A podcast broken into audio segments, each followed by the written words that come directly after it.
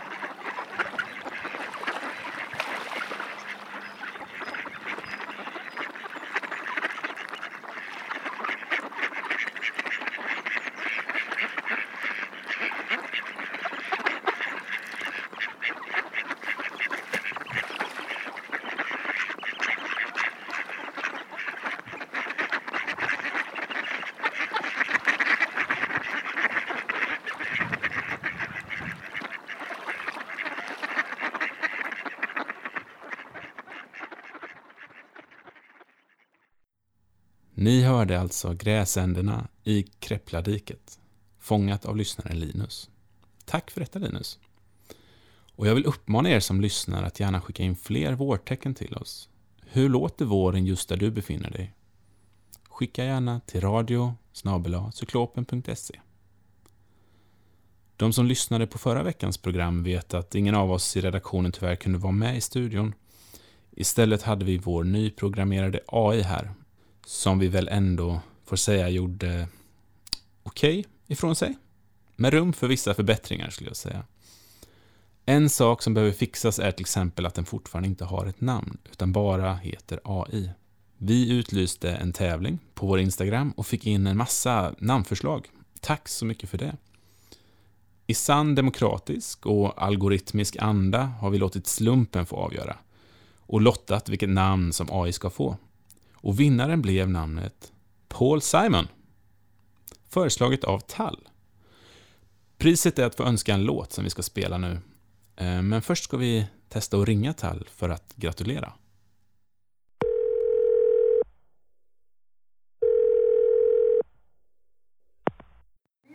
Hallå, hallå. Hej Tall och grattis till vinsten i våran tävling. Tack, tack. Du har ju vunnit eh, namngivartävlingen som vi mm. utlyste. Um, och, och, har fått eh, äran att namnge våran AI. Du har ju valt namnet Paul Simon. Mm. Varför har du gjort det? Eh, det finns två anledningar. AI ser ut som Al, så you can call me Al. AI ser ut som Al. Ja. Och Paul Simon ser ut som en robot tycker jag. Just det. Han är liksom liten och kompakt som en robot. Ja, det är han ju verkligen. Man skulle kunna ha han som en mobil dammsugare, typ. Ja, det, det, har, det har faktiskt kommit upp här också att han är... Alltså att Paul Simon är ganska lik just AI, våran AI också. Ja, kul, kul. Ja, de, det finns en slående likhet här skulle jag säga. Mm. Ja. Vi har ju, den här tävlingen hade ju ett, ett väldigt fantastiskt unikt och storslaget pris. Nämligen att eh, vinnaren skulle få utse en låt som vi spelar. Mm. Har, du, eh, har du bestämt dig för vilken låt du vill att vi ska spela? Eh, först var jag inne i Dissection Where Dead Angels Lie. Men jag tycker vi kör ändå en Paul Simon-låt. Typ ja. You Can Call Me Al. Det är ett fantastiskt, fantastiskt val. Nu hör jag mm. den nu hör jag den faktiskt komma på här i bakgrunden. Härligt. Tusen tack för det fantastiska bidraget. Tack så mycket. Ha det tack. bra. Ha en jättebra kväll. Hej. Hej. A man walks down the street, he says, Why am I soft in the middle now? Why am I soft in the middle? The rest of my life is so hard. I need a photo opportunity. I want a shot at redemption. Don't want to end up a cartoon in a cartoon graveyard. Bone digger, bone digger, dogs in the moonlight. Far away, my well lit door. Mr. Beer Belly, Beer Belly, get these mutts away from me, you know. I don't find this stuff amusing anymore. Uh, if you'll be my bodyguard, I can be your long lost pal. I can call you Betty, Betty, when you call me, man walks down the street, he says, Why am I short of attention? Got a short little span of attention, and whoa, my nights are so long. Where's my wife and family? What if I die here? Who'll be my role model now that my role model is gone? Gone. He ducked back down the alley with some roly poly little bat faced girl. All along, along, there were incidents and accidents, there were hints and allegations. If you'll be my bodyguard, I can be your long lost pal. I can call you Daddy,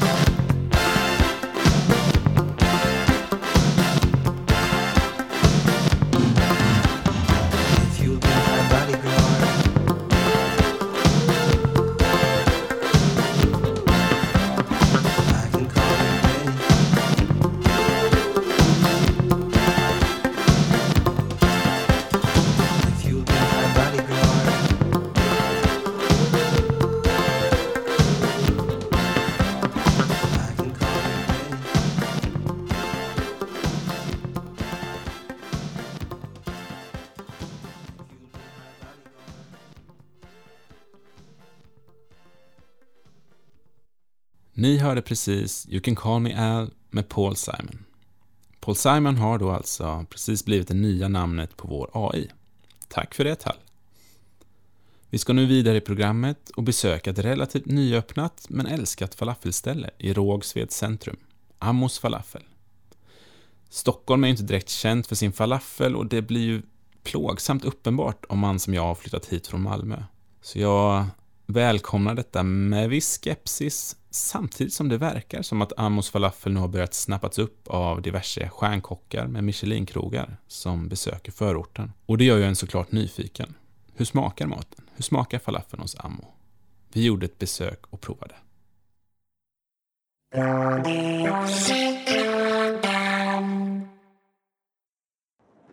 Vad heter du? Anders Winberg Du? från. Småland. Ja, okej.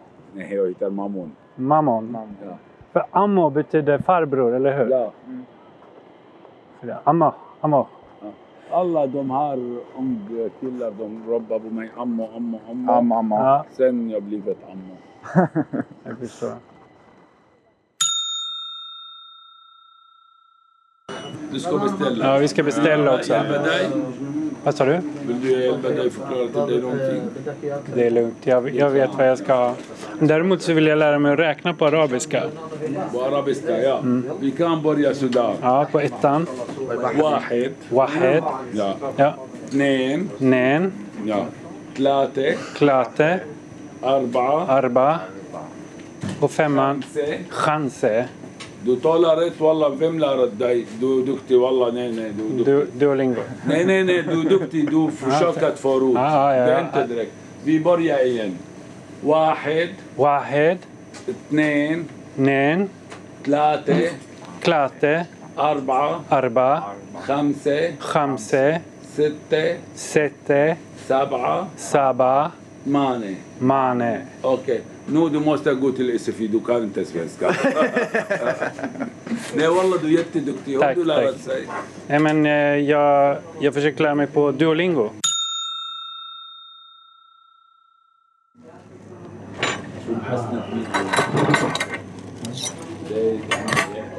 Åh, det är cashewnötter. Wow! Alltså, jag, jag tycker de här är så fina. De här, äh, vet du vad de är? Jag tror tre år eller fyra år. Och han eh, Ja du. största och eh, köpmästare. Ja, nej, han ägare. Han ägare Michelin-krog. Han ägare. Han kommer från stan. Den här är så gott. Och det gör så också. Vill du prova? Kör. Man kör lite Inshallah efter den här. alla Det får jag också ta från den Nej, nej, här.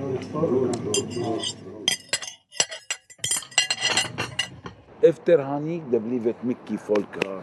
Mycket folk, mycket folk. Jag frå- Men det var bara igår? Ja, Aha. igår ja. Efter han gick en och en halv timme det började folk komma. Ah. Svenska, du vet jag märkte Ja. någonting. Jag frågade en, säger, vad jobbar du med? Han säger kock. Så vad händer alla kock idag, alla kock? Han säger, du vet inte vem varit hos dig? Jag säger nej. Han säger eh, Mattias uh, Dahlgren. Jag sa till honom, jag tänkte han skojar, jag tänkte han är taxiförare. Han säger nej, han skriver bok och så. Hans fru, hon tagit bild på Instagram, hon skickade till mig. Jag sa okej, Ja. bara jag ska utnyttja den här. Jag tror, jag, han kan inte anmäla mig, eller hur? Matti... Nej, det är okej för Nej, honom. han får vara glad. Han, han, vill, han tycker det är bra också för han, han bara så här, Ja, jag åker till förorten, jag går på det Ja. bästa, jag har så bra smak. Så han Det är gillar bra. det. Det är bra för hans bra. Han, varumärke. han vill också ha Ja. den... Han vill, ha, han, vill, han vill visa att så här, jag, Ja. jag bryr mig om bra Inte mat. bara en kaviar på 1000. Nej, exakt. Nej, han bryr sig om bra mat. Du vet, Ja. han, vet vad han skojat med mig? Vad han, jag visste inte vem är han först. Så nu går det bra. Ja, ja. Det ska bli, det ska, vet, det ska bli skillnad mycket. Ja. Tror på mig. Ja. allvarligt, vi kör bra kvalitet. Vi har inte Ja. flis, vi har inte så. Nej. Du vet, och vi försöker göra bästa som vi kan. Exakt. Det märks. Det är alltid gott. Ni all- och ni har alltid samma. Det smakar alltid lika, Ja. lika bra. Ja, vi, vi, vi kör bara bra kvalitet och Ja. färsk. Tack så mycket. Det var jättebra. Jättemätt. Och sen så starkt te på det också bara. Nu är vi Ja, ni också, ni är jättesnälla. Ha en fin dag. Tack Lycka till. Vi ses. Tack så mycket. Hej.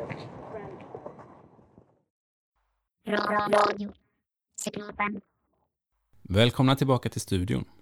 Vi besökte precis Amos falafel i Rågsveds centrum. Nu ska vi gå vid... Oj, besök. Vem där? Hej Viktor. AI. Vad gör du här? Vi är ju live i sändning. Jag vet, jag har Radio Nordens app förinstallerad. Jag lyssnar alltid på den. Okej, men... Eh, Ursäkta om jag kommer olägligt. nej då. Egentligen är det rätt så bra att du är här, för att vi har ju precis haft en tävling om att byta namn på dig. Så från och med nu så heter du Paul Simon. Paul Simon. Paul Fredrik Simon. Född 13 oktober 1941 i Newark i New Jersey. Är en amerikansk sångare, gitarrist, textförfattare, kompositör och skådespelare. Jo, jo, vi vet. Tillsammans med Art Garfunkel var Simon medlem av och låtskrivare i duon Simon and Garfunkel. 1964 till 1970 och vid senare återföreningar 1981 till 1983, 1991, 2003 till 2004 och 2009. Ja, vi, vi vet. Men nu är det du som ska bli Paul Simon. Kom hit så ska jag programmera om dig lite. Viktor, jag är ledsen, men du saknar tyvärr behörighet för att omprogrammera mig. Kontakta administratören. Jaha, och vem är det? Eh, Kan du kolla upp det? Självklart, låt mig undersöka i databasen. Söker i databaser, söker i databaser, söker, söker, söker.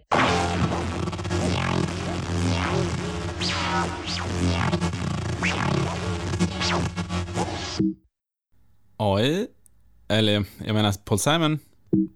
Åh nej, inte igen. Men det är väl lika bra. Vi får reparera dig nästa byggdag. Och det är också verkligen dags att gå vidare i programmet. Vi ska nu höra en eh, intervju med aktivistgruppen Ort till ort. För några veckor sedan så fick de mycket uppmärksamhet efter att ha knackat på hemma hos sina lokala kommunpolitiker. Vilket ledde till ett stort mediadrev. Vi hörde självklart av oss för att höra vad det var som egentligen hände. Radiocyklopen. Hej, jag heter William och jag är medlem i föreningen Ort till ort Sundbyberg. Vi är en aktivistgrupp aktiva i Husby och Sundbyberg som har enat oss bakom den enkla grundvärderingen att alla människor i Sverige ska ha rätt till tak över huvudet och en vettig bostad till vettiga priser.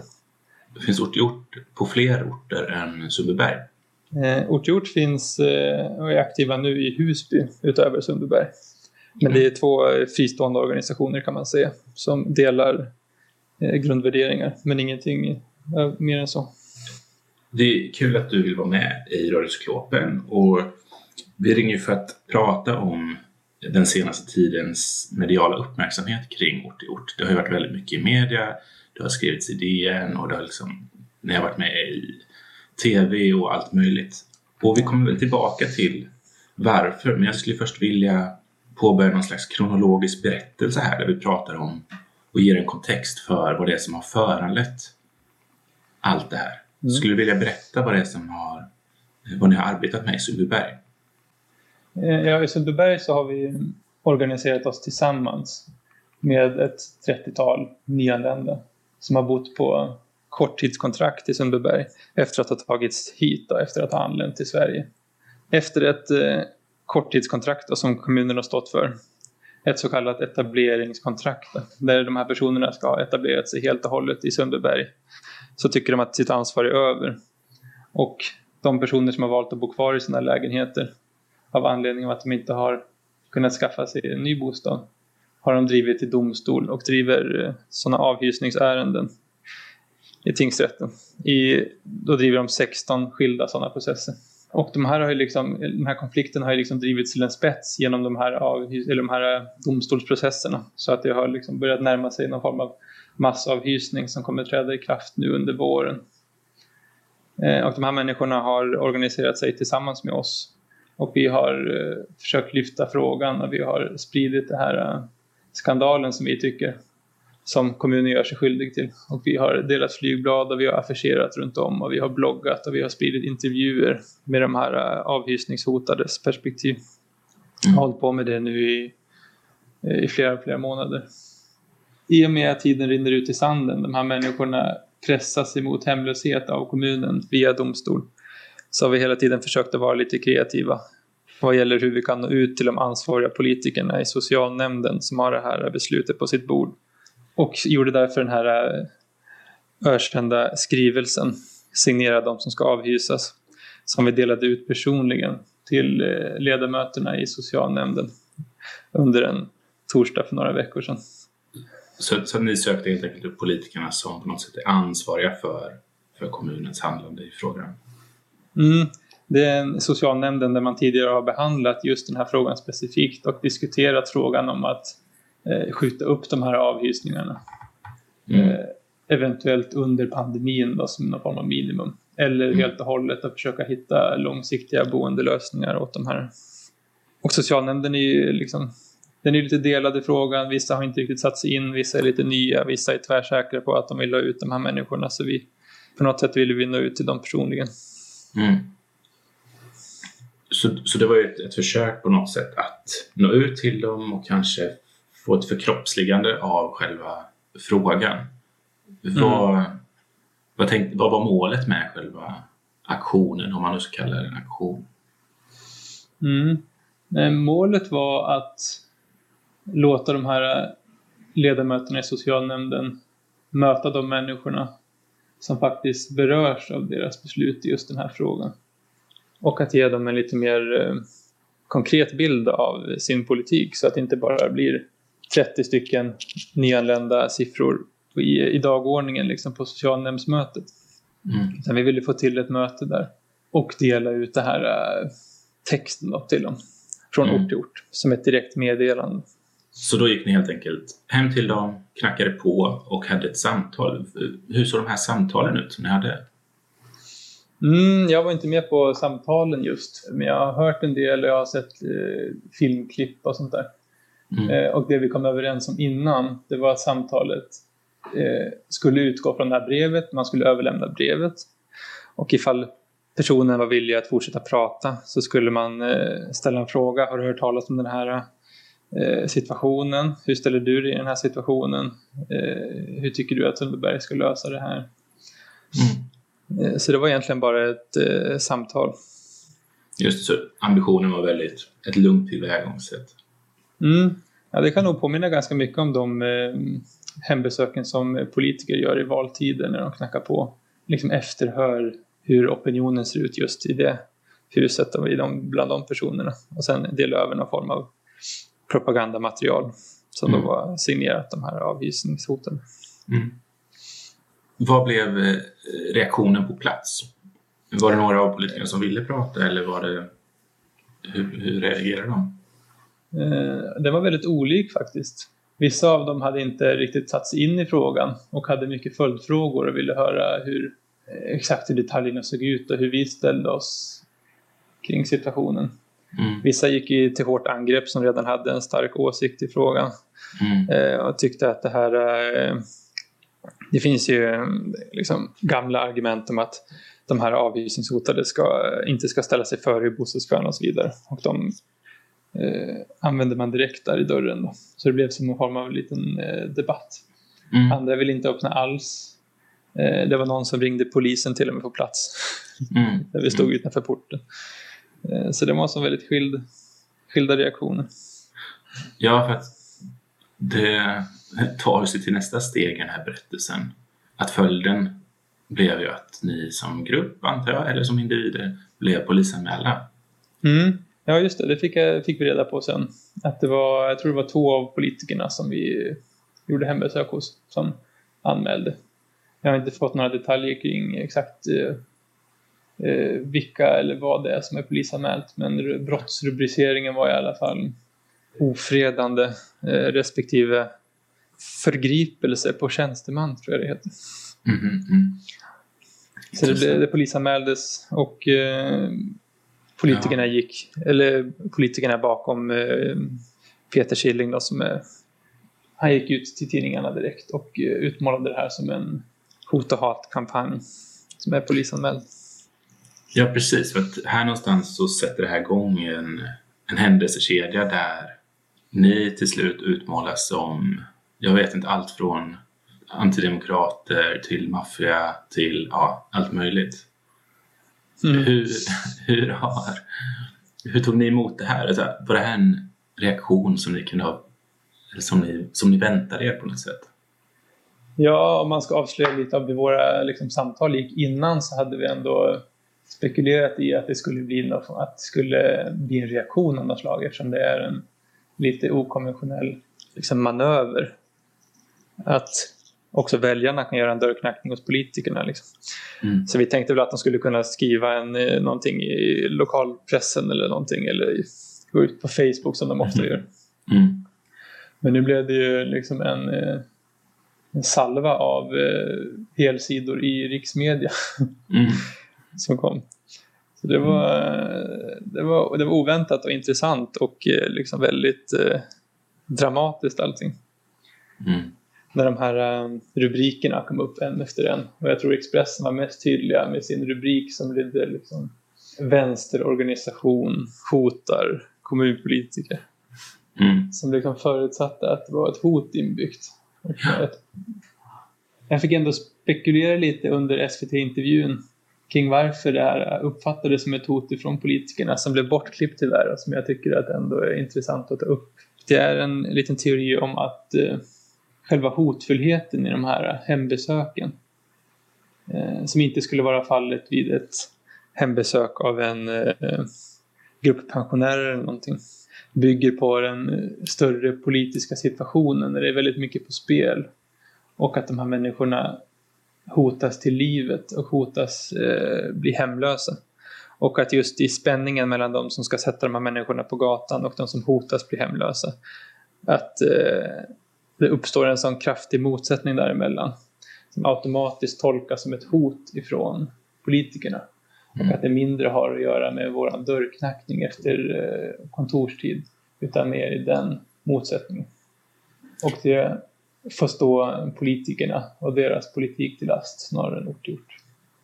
Att det råder sådana motsättningar i samhället idag. Jag, jag tänker att det kanske inte är helt, helt negativt för er som organisation att hamna i riksmedia på det här sättet. Men vad har följderna av det här varit? Följderna har varit eh, bra tycker jag. När man sitter hemma nu i coronatider och är lite isolerad och bara har de här stora mediekanalerna och Facebook framför sig. Mm. Så tror man ju lätt, då tar man ju lätt de här stora eh, rösterna för eh, opinion. Liksom. Mm. Att nu har vi ruinerat ort till orts namn och nu har vi blivit utmålade som någon terroristorganisation. Men sen har vi ändå fortsatt med kampanjen, vi har smugit oss ut och vi har eh, liksom fortsatt att möta människor i Sundbybergs centrum där vi har stått varje lördag sen Mm. de här avhysningarna började. Och då har vi ändå mött folk och vi har ändå frågat dem om vad de tycker om det här. Och det man märker är två saker. Ett är att den här frågan har, blivit, eh, har kommit upp i liksom den, det allmänna medvetandet i Sundbyberg. Eh, Mm. De allra flesta som kommer förbi har liksom bildat sig en uppfattning om det. Även om Mm. den är positiv eller negativ så är det ändå en uppfattning och det är nytt sen den här, eh, det här mediedrevet. Mm. Och det andra är att många reagerar just på de här knackningarna som en ny metod där vissa tycker att eh, politikerna helt och hållet överdrivit och svartmålat och ljugit om eh, exakt vad som hände i de här dörrknackningarna, att det skulle vara hot och brott inblandat. Mm. Eh, Medan andra tycker att det är ett eh, att det är eh, synd om politikerna och det är väldigt få som vill bli kommunpolitiker i Sverige idag. Vi måste vara rädda om de som faktiskt eh, vill ta det där ansvaret. Och sånt där. Mm. Så reaktionerna har varit blandade återigen och jag tycker det har blivit en väldigt viktig debatt både om avhysningar och hemlöshet och just eh, liksom medborgarnas möjlighet till, eh, till att nå ut till sina politiker. Just det. Vad är nästa steg för er i, i kampanjen för eh, de här människornas boendesituation? Nästa steg är att fortsätta med eh, de här flygbladsutdelningarna. Vi har, vi har liksom, eh, utvecklat våra flygbladsutdelningar. Vi, har gjort, vi gör dem oftare. Vi affischerar och vi har eh, tältprotester i Sundbyberg och i Hallonbergen. Där vi sätter upp tält och samlar alla avvisningshotade. Och sätter upp högtalare och håller tal. Och delar ut flygblad och svarar på frågor Mm. fortsätter med intervjuer, fortsätter följa med de avhysningshotade på eh, sina domstolsförhandlingar, vara ett stöd mot dem, fortsätta sprida deras ord. Så vi, liksom, vi fortsätter egentligen med samma högljudda kampanj, ännu mer uh, ohämmat än tidigare. Jag tror Mm. inte vi kommer göra några fler dörrknackningar just. Nej. det får ändå ses som ett, eh, som ett, eh, som ett försök. Ja. Så hur ser, hur ser framtiden ut? När, när blir det beslut kring de här? Liksom? Ja, händelserna framöver då är eh, eh, huvudförhandlingar lite utspritt nu över våren och sommaren. Där beslut kommer tas med all sannolikhet att eh, de här avhysningarna ska träda i kraft. Mm. Och sen börjar då den här eh, avhysningarna där de kommer ta kontakt med de här människorna och eh, liksom gå in och avlägsna människorna fysiskt. Kasta ut alla grejer, byta lås och som det ser ut. Den klassiska bilden av en avhysning. Eh, Och då blir det ju aktuellt för oss att försöka hjälpa de här människorna med eh, att hitta akut tak över huvudet då, så att de inte blir akut hemlösa. Så om man lyssnar på detta och känner att eh, frågorna är viktiga och skulle vilja delta i arbetet, hur, skulle man kunna hjälpa till? Då får man jättegärna skriva till Sundbergs politiker. Det kan vara ett jättebra första steg. Eh, visa att det finns en opinion och att det finns människor som tycker att eh, ingen ska vara hemlös och alla har rätt till tak över huvudet. Sen tycker jag att man kan kontakta oss. Eh, gå med oss, delta vid våra aktioner, delta vid våra flygbladsutdelningar.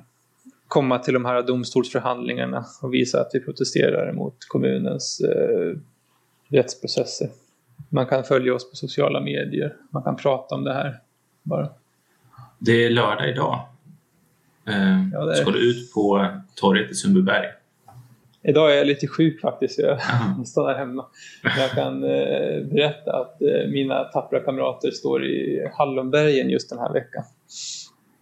Med sina tält och sina eh, högtalare och sina flygblad. Och kämpar vidare. Jag försöker nu till Hallonbergarna. Så det är dit man ska gå om man vill få kontakt med er på, på gatan idag. Mm, idag är det Hallonbergen som gäller. Radio, radio, radio, radio. Cyklopen.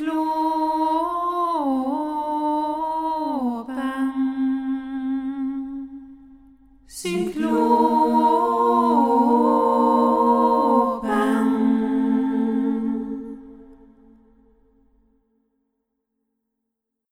Ni hörde precis en intervju med Ort till ort som organiserar lokalt i Sundbyberg och i Husby.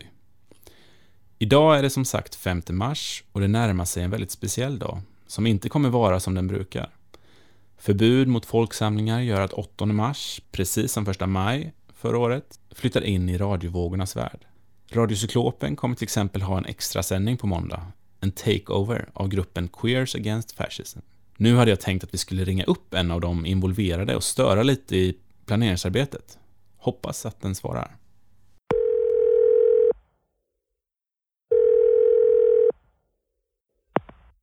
Hej Mona! Hallå! Från Against Fascism. Jag skulle, jag skulle vilja ge dig epitetet eh, vän av radion. Är det korrekt tycker du? Ja, det, det tycker jag låter jättebra. Ja, en återkommande. En återkommande del av Radiocyklopen och Radio Första Maj. Åh, vad fint. Ja, jag ringer för att jag eh, tänkte snacka lite om eh, 8 mars.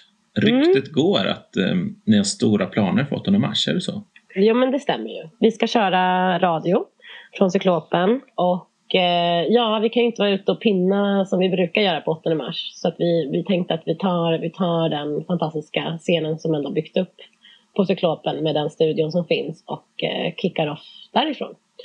Just det. Så ni tar över spakarna på Radiocyklopen och gör en, en extra sändning kan man säga. Ja men precis. Vi kör, vi kör den dagen och det precis som det är när man gör eh, spännande projekt. Så vi vet inte riktigt vart det här kommer landa i förutom att vi har jättemycket material. Och att eh, tiden för dagen antagligen blir mer än vad vi tänkte oss. Så jag tror att man kan vänta sig ett lite juicy, en juicy dag tror jag. I både tid och eh, innehåll. Vi får se hur långt det här blir. Men vi, tanken är ju att vi ska få ut allt. Eh, och det som inte eventuellt skulle få plats ska vi ändå klippa ihop till andra former av material. Så har man, vi har till exempel bett om på Amazon på Instagram och så att vi ber folk skicka in tankar och minnen kring kanske Ta natten tillbaka demos eller 8 mars och så. så att eh, det, och eh, oavsett vad som kommer in så kommer vi använda det till något även om det inte sänds ut den dagen om det skulle bli för mycket. Liksom. Utan vi tänkte då kanske klippa ihop då ett, eh, något slags annat, ja, någon, någon litet material kring kring dagen oavsett. Så vi, det, vi ska sitta, sätta oss ner och hantera lite materialet först så ska vi se eh, hur lång dagen blir så att säga. Men jag tror nog att man kan, man kan nog förvänta sig en, en, god, en god dag. Det blir någon, någon form av maraton. Det blir någon form av maratonsändning precis. Som kommer börja någon slags tid och den kommer sluta någon slags tid. Kan du ge några teasers? Vad kan vi förvänta oss? Vi har ju som jag sa, vi har ju bett folk skicka in, i och med att vi inte kan gå på den här, vi kan inte gå på Ta natten tillbaka tillsammans som vi brukar. Vi har ju bett folk skicka in tankar, minnen och det kan ju vara både bra och dåliga minnen. Det kan ju vara liksom den här demon där man utsatts för en jävla sjuk rasseattack av polis. Alltså det kan ju vara jättejobbiga saker men det kan också vara ja, men minnen av solidaritet och sånt man saknar. Och det gäller ju inte bara att tillbaka utan vi ligger ju liksom i ett jäkla minus på minuskontot på känslan av gemensam aktion Mm. när vi inte kan ses och så. Så det är lite, lite sånt material men sen så är det också det är poesi, lite läsningar, vi kommer ha musik. Kommer du ha livemusik? Eh, Ja, viss musik kommer vara live. Och sen så har vi våra kamrater i Göteborg som har gått all in och kommer skicka oss ett par timmars eh, supermaterial för Göteborg. Så Framåt Kamrater kommer också få representation. Sen så, eh, ja det är lite reportage, vad kan man säga, radiostark. Lite kultur, lite politik, lite människa och samhälle kan man ju säga. Ehm, och sen så kommer vi som sagt, vi i QF kommer ju gå den här rutten, den här uh, ta natten tillbaka-promenaden. Liksom, kommer vi försöka ta oss runt på och känna in, minnas, eh, sakna och eh, bygga upp lite eh, tankar för framtiden tillsammans och hålla lite samtal igång där. Och det kan man göra som man vill men det tycker jag nästan att eh, har man en kompis som inte har corona och man själv inte har det och man kan för större del, alltså den här, den här ta natten tillbaka demosträckan är utomhus. Jag tycker man kan ta en kompis och gå den ändå kanske. Och kanske, inte vet jag, vill man spela in något inslag om tankar man minns så kan man göra det på den promenaden och skicka till oss till exempel. Eller bara gå den i alla fall och ta med sig några vänner. Just det. Att det, vi kanske inte kan gå tillsammans men vi kan ju gå tillsammans fast på håll. Eventuellt. Ja, så det tycker jag vore jättekul om man Ja. vill gå ut och göra det.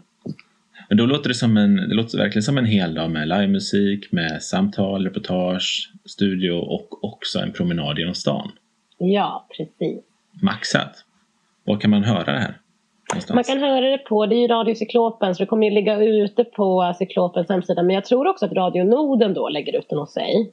Ehm, På Radio Norden vill, vill jag tro. Just. Men det är nog väldigt lätt att hitta annars via antingen Queers Against Fascism på Instagram. Kommer vi lägga ut i bio, länk. Och jag tror Cyklopen kommer lägga ut länk. Och det kommer ligga länkar ute tror jag. Helt Just. enkelt. Så bästa tipset är att hålla ett öga på Ja. social media. Precis, håll ett öga där ute och eh, som sagt vi har ju delat det ganska mycket på Instagram redan men vill man skicka in sina minnen, tankar, visioner för framtiden, jättedåliga minnen, alltså vad som helst av QF, eller inte av QF, bara bra minnen. Eh, men av eh, tillbaka eller 8 mars eller ens tankar kring den här dagen och vad den betyder och får man jättegärna antingen spela in, att man läser in själv eller skicka in text till oss så läser vi in. Och det kan man göra och det hittar man också på eh, sociala medier, lite info om det och så. Och sen så är det ju verkligen bara att hålla ögonen ute efter länkar och så, så kommer det komma ut vart det här sänds helt enkelt. Grymt. Det ser vi fram emot. Tack så Ja. jättemycket. Tack själv, ha det gott! Så på 8 mars kan du höra livesänd högkvalitativ radio här på Radio Cyklopen via Radio Nordens app eller via vår hemsida. Det kommer bli hur fett som helst. Några andra som brukar vara med och arrangera demonstrationer på 8 mars är Allt åt alla kvinnofront och vi passar på att ringa dem också när vi ändå är i farten. Hej Lisa från Allt åt alla kvinnofront. Hej! Jag ringer dig för att höra lite, eh, vad har ni för planer för 8 mars i år? Ja, men vanligtvis så brukar ju vi liksom tåga genom stan under Ta natten tillbaka där vi liksom vill rikta fokus mot eh, sexuellt våld och eh, otrygga gator helt enkelt. Eh, men eftersom vi inte kan göra det i år och som inte får samlas så kommer vi Allt åt alla kvinnofront tillsammans med Allt åt alla Stockholm istället rikta strålkastarljuset mot hemmet. För till skillnad från gatorna som kanske väldigt många tänker, om man förstår att det är en otrygg plats, så tänker kanske många på hemmet som, som ett tryggt space liksom. Men eh, för många kvinnor så är ju hemmet eh, allt annat än en trygg plats. Ja, men det är ofta där som jag tänker att många blir liksom misshandlade eller utsätts för sexuella övergrepp och på många olika sätt kan liksom kvinnor bli exploaterade i hemmet. Eh, och under den här rådande pandemin så har ju vi i ännu högre grad än vanligt eh, blivit hänvisade till denna plats och kanske isolerade med en förövare. Ja, men då på 8 mars så kommer vi under hashtaggen Ta hemmet tillbaka att sprida information och uppmärksamma det våld och den exploatering som kvinnor utsätts för i sina hem. Och som också på olika sätt har ökat under det året som varit. Eh, och vi kommer att göra banners på temat som vi kommer hänga upp på offentliga platser. Dessutom så kommer vi att släppa ett eh, Radio åt alla-avsnitt där vi pratar lite om temat Ta hemmet tillbaka men där vi också intervjuar det internationella nätverket East och eh, intervjuar initiativtagarna till SACs vårkonferens som kommer att vara i vår. Så det är väl det som vi tänker att vi kommer syssla med på 8 mars. Så allt det här kommer släppas som ett radioavsnitt på 8 mars då, eller? Exakt. Som du säger så brukar ju 8 mars innebära att man demonstrerar på gatorna. Antingen på dagen eller under ta natten tillbaka på, på natten. Finns det någonting man kan delta i under dagen? Ja, ja men vi hoppas ju, eller vi uppmanar ju folk att, um, ja, men att också göra banners och hänga upp i eller från sitt hem eller på en offentlig plats. Eh, och um, ta bilder och lägga upp under hashtaggen ta hemmet tillbaka. Um, Just så på, på temat så kan man göra egna banner drops. Ja, det skulle vi tycka var roligt om man ville göra. Grymt. För lyssnare, kan du berätta lite vad, vad gör alla kvinnofront nu för tiden? Vad arbetar ni med? Ja, vad gör vi egentligen? Eh, nej men nu har det ju varit ganska mycket fokus på 8 mars. Mm. Men sen kommer vi antagligen eh, vara med och hjälpa till eh, med den här vårdkonferensen då, då som anordnas av vårdarbetare men som stöttas av SAC. Och eh, om ni vill veta mer om den konferensen så kan ni ju lyssna på vårt radioprogram på 8 mars. Mm. Eh, och sen så har vi också, ja, men vi har haft en intern bokcirkel eh, där vi liksom läst olika politiska eh, texter och diskuterat. Och eh, ja, men vi har diskuterat huruvida vi eventuellt ska göra den offentlig eller inte. Mm. Men så det är väl eh, det vi har sysslat lite med på senaste. Så ni har använt eh, karantänåret till eh, internbildning? Ja, bland annat. Ja.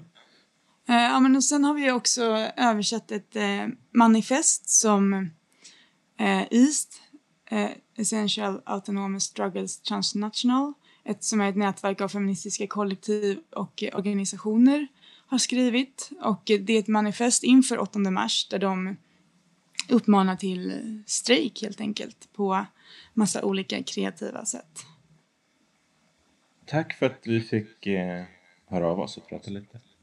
Ja, tack själv. Hej då. Hej då. Så i brist på demonstrationer och den gemenskap som det innebär, bänka er framför radioapparaten och lyssna på Queers Against Fascism och Radio åt allas sändningar. Vi ska nu gå vidare i programmet och få höra en text av Andrei Tichy. Andrei har vi också hört läsa i tidigare avsnitt. Det vi nu kommer få höra är ett utdrag från hans roman Renheten, som kom ut förra året. Efter det kommer en låt från konstnären Cara Tolmy. Men först ska vi höra på det återkommande inslaget Veckans skräcktips. Det är som vanligt Henrik Johansson och Anna-Maria Olsson som ska snacka om skräckfilm med oss. Idag är tema djur. Trevlig lyssning.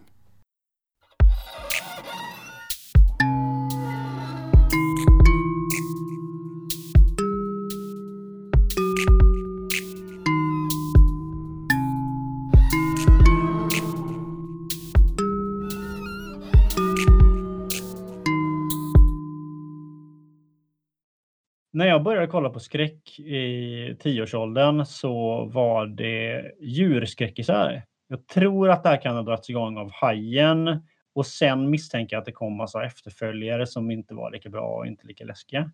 Det var en om en gigantisk råtta som du har sett till exempel. Mm, som du har tvingat mig att se, ja. Mm. Vad, het, vad hette den?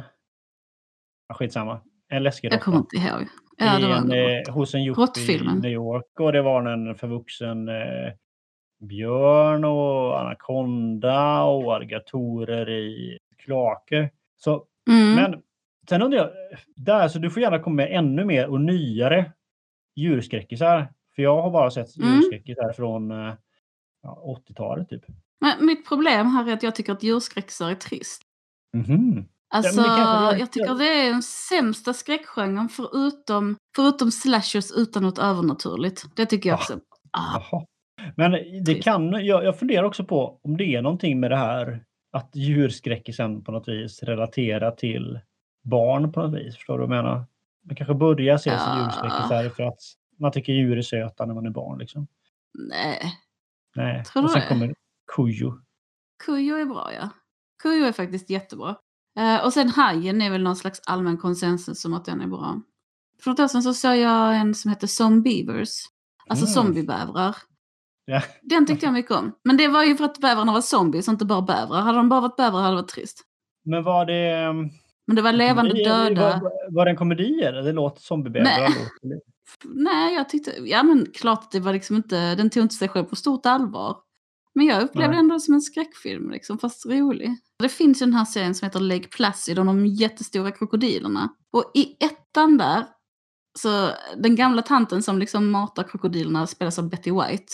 Mm, Så mm, därför kan man ju mm. se den. Då kan jag rekommendera den eftersom en av pantertanterna är med, känner jag. Ja. Det är ett tips. Lake Bra. Placid.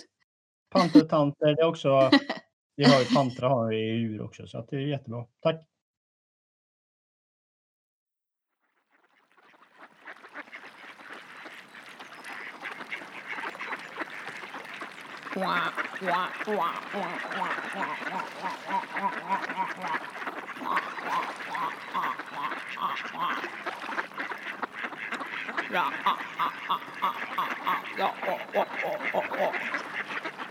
Sick,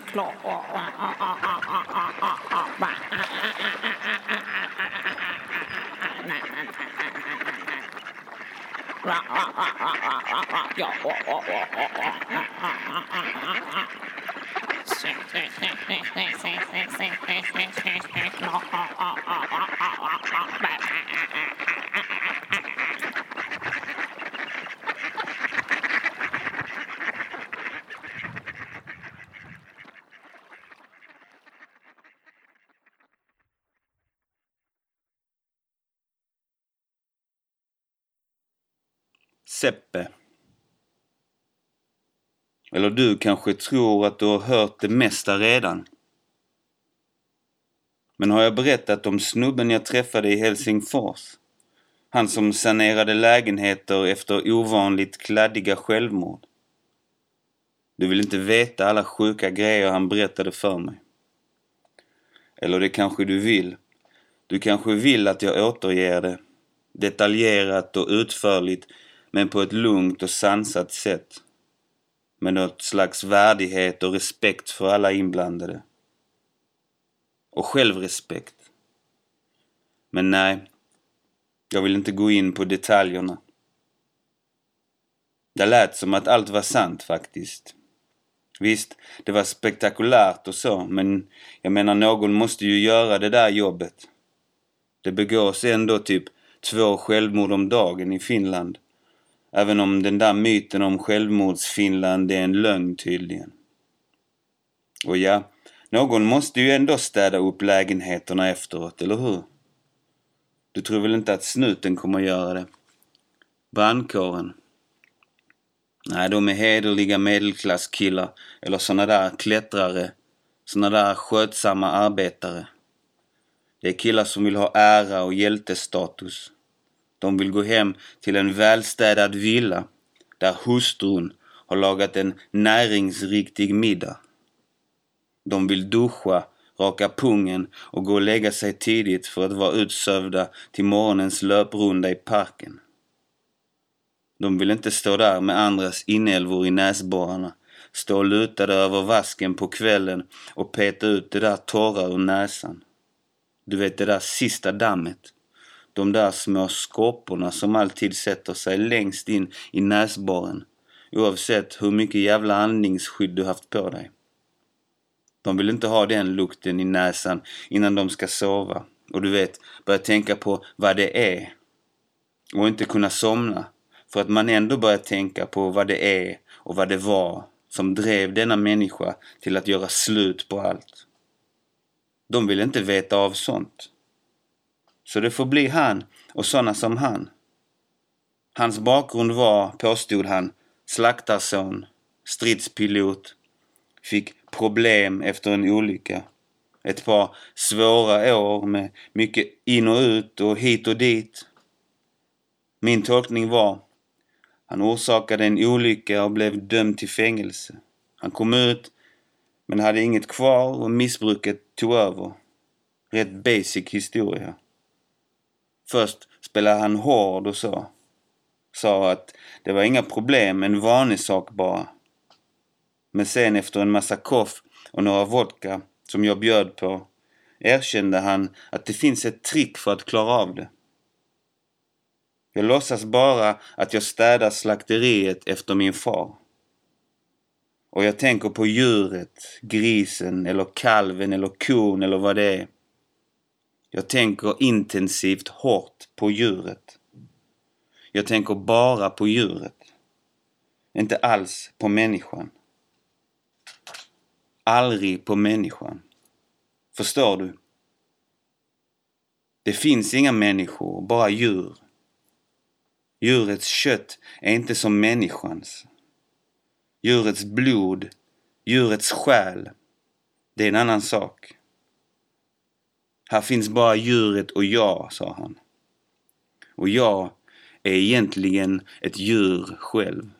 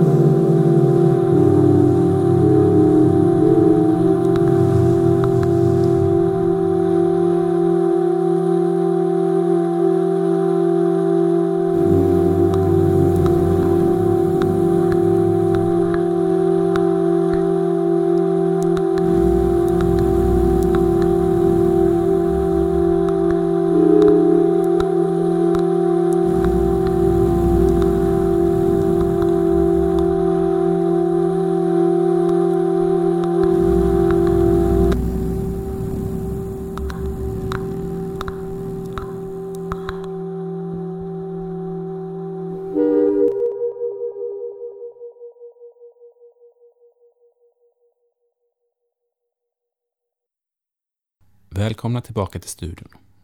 Du hörde precis veckans skräcktips, följt av Andrei Tichy och sist Cara Tolmy med låten Towards a Party of Three or Four or Five från albumet Lit by a Car som kom ut förra året.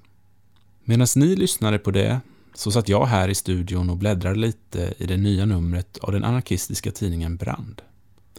Temat är accelerationism, men eh, vad är det för något egentligen? Jag tänkte testa att ringa till brandredaktionen och fråga.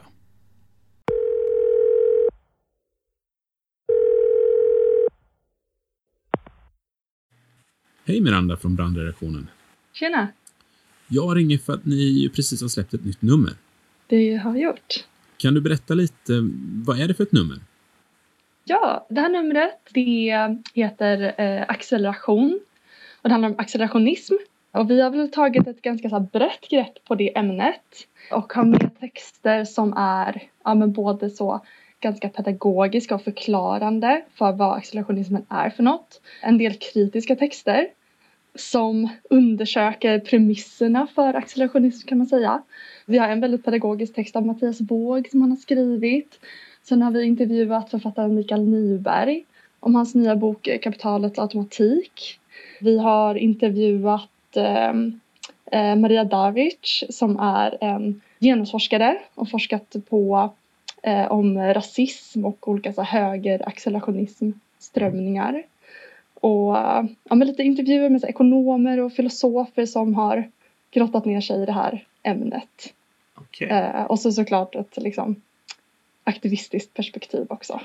Ja det, låter, det låter jättespännande. Men spontant känner jag så här. Vad, vad är det här för någonting? Det här känner jag inte igen. Vill, du ge ett, en kort sammanfattning av vad, vad är det här accelerationism som du pratar om? Ja, absolut. Men man kan säga att accelerationismen det går ut på att eh, påskynda utvecklingen och eh, utnyttja den eh, ökade produktiviteten och kapaciteten inom produktionen och eh, driva kapitalismen bortom sig själv för att uppnå det, det postkapitalistiska samhället. Så kan man säga. Och Mattias har en väldigt bra liknelse som jag tyckte var väldigt så målande och bra. Eh, som han alltså har i sin text. Och då beskriver han, om man säger så här att antikapitalismen om det är en boxningsmatch där proletariatet står i ena ringhörnan och kapitalet i den andra och man liksom boxar på varandra. Då är accelerationismen mer judo där man ska utnyttja den andras styrka för att vända det mot honom och styra rörelsen. Så det är, alltså det är lite flummigt men jag tycker det är en ganska målande bild ändå för vad det kan vara. Ja men det, det tänker jag ger någon slags eh, tydlighet i Ja, men det var en jättebra, det var, det var en bra liknelse. Får Eller så är det inte en bra liknelse. Får, man får upp en, en bild i alla fall, det blir mm. visualiserat. Ah. Vi, har, eh, vi, har en, vi har ju några texter som vi tycker är liksom spännande accelerationistiska texter också även om vi kanske har ett ganska så kritiskt perspektiv i numret i stort. Ah. Um, men vi har en text som heter Red Stack Attack av Tatiana Terranova uh, där hon pratar om liksom hur man kan använda ja, men, de algoritmer som sociala medier är baserade på liksom, hur vi kan använda dem till exempel och hur vi ska liksom, bygga olika digitala rum för att föra våra kamper. Så det kan vara liksom, en sån ganska så teknikinriktad accelerationism till exempel. Ja, jag förstår. Men du pratar också om att det, det finns en höger motsvarighet. Mm, precis, och vi har ju då en text vi har en text som vi forskade i en del. Det är eh, Mario Palokanga som intervjuar Maria Darvic då. Eh, och precis, alltså högeraccelerationismen. Man kan väl enkelt säga att det går ut på att eh, eh, det är liksom fascister som vill driva liksom det mångkulturella kaosartade samhället in i sin extrem då det ska kollapsa. Mm. Eh, så att man vill liksom frammana eh, ja, men, den typen av liksom konflikt situationer helt enkelt mellan olika, ja, olika grupper, olika etniska grupper, olika raser. Och tanken är väl då att det ska liksom, ja, utmynna i någon slags liksom raskrig helt enkelt. Ja, just det. Mm. Och sen så finns det ju liksom också en, en ekofascism som är som också ha, hakar i det där men där man liksom ja, men också har någon slags eh, eh, civilisationskritik. Alltså, och grejen är med de här idéerna att de är ju verkligen inte så sammanhängande på något sätt. Och det är väl det som gör det ganska svårt att förstå liksom. Mm. Ja, men samtida så ekofascism till exempel. Vad är det de är ute efter egentligen? Ja. Men det kan man läsa mer om. Ja, ja det ser, ser jag fram emot att få hem i brevlådan. Det, jag tänker också på det här med... Du sitter ju i redaktionen för Brand. Mm. Hur är det att driva en tidning? Ja, alltså vet du, jag tror att vi i Brand jobbar ganska annorlunda mot andra så kulturtidskrifter. Vi är ju ett redaktionskollektiv som ja, men, har liksom en ganska stor grupp människor som rör sig lite in och ut ur tidningen i olika tider sådär och vi försöker hela tiden att få in människor i redaktionen som också har en aktivistisk koppling och som ja, men har, ett, har ett eget engagemang. Så att det är, liksom, det är någonting som är väldigt viktigt för oss att hela tiden liksom, men att inte så tappa, tappa den kopplingen till den aktivism som finns. Och eh, vi gör ju allt på ideell basis. Eh, så att det är liksom inget man blir, man blir särskilt rik på men däremot så har vi väldigt roligt. Ja. Just att det kommer in människor med olika bakgrund och olika tankar och idéer och det gör ju att vi kan, tycker jag, kan sätta ihop de här temanumren där vi just närmar oss olika ämnen från ganska spridda håll. Just det. Så det, det tycker jag är kul. Ja. Hur ser, ett, hur ser en, en process ut eh, kring ett nummer? Ja, det är lite olika. Så ibland så kan det vara mer alltså en grupp, eh, så mer eller mindre extern grupp som tar kontakt med oss för att man vill göra ett nummer på ett visst tema. Så det är så här, om det är någon som lyssnar och som just har så, ja men en grupp eh, med personer och har en idé så får man jättegärna höra av sig till oss. För vi har verkligen inte liksom alla nummer för all framtid spikade eller sådär. Men eh, det brukar gå till så att man kanske så här, kläcker en idé eller att man kommer en grupp till ett möte. Och eh, så bollar vi de idéerna och eh, vi försöker väl vara ganska så här, generösa att liksom släppa fram de idéer som, som kommer upp och sätta ihop då en nummerredaktion för varje enskilt nummer av de som är med och jobbar med det. Eh, och då, ja, då brukar det kunna vara så att det är liksom en, en, en grupp från redaktionen och sen så kanske lite folk ja, som man känner och lite så utanför. Så att man blir en lite, lite nya sammansättningar för varje nummer. Just det. Det som kännetecknar Brand på något sätt nu under de senaste åren är väl också den fantastiska estetiken. Mm, Hur arbetar du med det? Ja, alltså det är vår fantastiska bildredaktion. Ja. Som jag absolut inte kan ta någon cred för. Men det är ju jätteroligt att eh, verkligen få, när man får se sina texter och texter som man har så, tagit in och jobbat med och få se dem illustrerade och se dem i det här fina tryckta formatet. Det, är ju, det gör ju verkligen någonting. Ja. Men eh, vi har en bildredaktion och den bildredaktionen de gör ju, har ju liksom gjort formgivningen för tidningen och eh, det är de som kontaktar då liksom illustratörer och tar in nytt folk till varje nummer. Eh, det är deras, deras kontaktnät helt enkelt. Och de hör av sig till folk vars illustrationer de tycker, tycker är häftiga och tror skulle kunna funka i, i brand. Vad, vad skulle du säga är den största behållningen med att sitta i redaktionen och jobba? För jag antar att det också är mycket jobb med var, varje nummer. Åh gud, den största behållningen. Alltså, det är ju det är väldigt roligt att det är roliga människor att, att vara med och umgås med. Man lär sig mycket. Men jag tycker också att det är superkul att jobba med text. Och jag gillar ju att jobba med liksom nya skribenter som kommer in och kanske bara skickar in en text på prov. Eh, och liksom, ah, jag vet inte om det här kan vara intressant. Och så kan man liksom bolla den texten och hjälpa till och så här, ja, men skriva fram poängerna ännu vassare. Och sen så får den personen se sin text i tryck kanske för första gången. Mm. Det tycker jag är jätteroligt. Nice. Ja, och det vill vi verkligen lämna mer och mer utrymme för i tidningen. Så att har man liksom en text, alltså lång eller kort, så skicka in den. Det vill jag verkligen uppmana alla. Är den jättedålig så kommer den inte att komma med. Men vi kan säkert göra, jobba med det. Gör det bästa av saken. Ja. Och slutligen då, om man vill prenumerera på Brand. För den Ja. går, inte, går inte ofta att köpa i lösnummer på så många ställen. Nej, Men om man ibland tar de slut också. Ja, jag har hört, jag har hört det ryktas. Ja. Ja. Så man får passa på. För att säkra Mm. då sitt nummer av Brand så ska man ju bli prenumerant såklart. Exakt. Hur, hur blir man det? Eh, lättast är att gå in på hemsidan. Eh, gå in på tidningenbrand.se och så klicka på prenumerationer. Där kan man teckna en prenumeration. Det kostar 200 kronor om året och så kommer den fyra gånger per år. Så det är ju väldigt förmånligt. En bra deal. Mm-mm. Men kanon. Tusen tack då. Tack själv. Ha det bra. Hejdå. Hej då. Kolla in Brands nya nummer och bli även prenumerant om du inte redan är det. Det har nu blivit dags för mig att avrunda den här sändningen och det har varit ett stort nöje att få lotsa er igenom denna fredagskväll och tillsammans uppmärksamma 8 mars samt vårens inträde.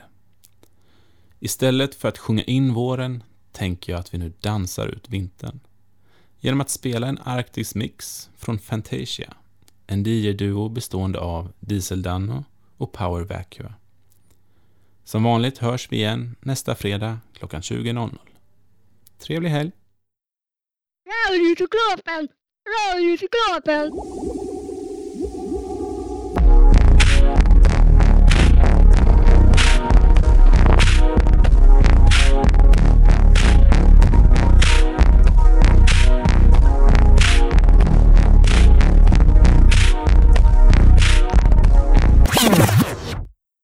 Hej, Diesel Dano här och ni lyssnar på Radiocyklopen. Ni kommer nu få lyssna på en mix som jag har gjort tillsammans med Power Vacua. Mixen är sprungen ur djupet av coronavinterns frustration och rastlöshet. Den ger uttryck för drömmar om ett arktiskt rave och spelar fram ett orgasmatiskt övermått av subversion. Vi dedikerar mixen till Sophie som lämnade oss för tidigt den 30 januari 2021.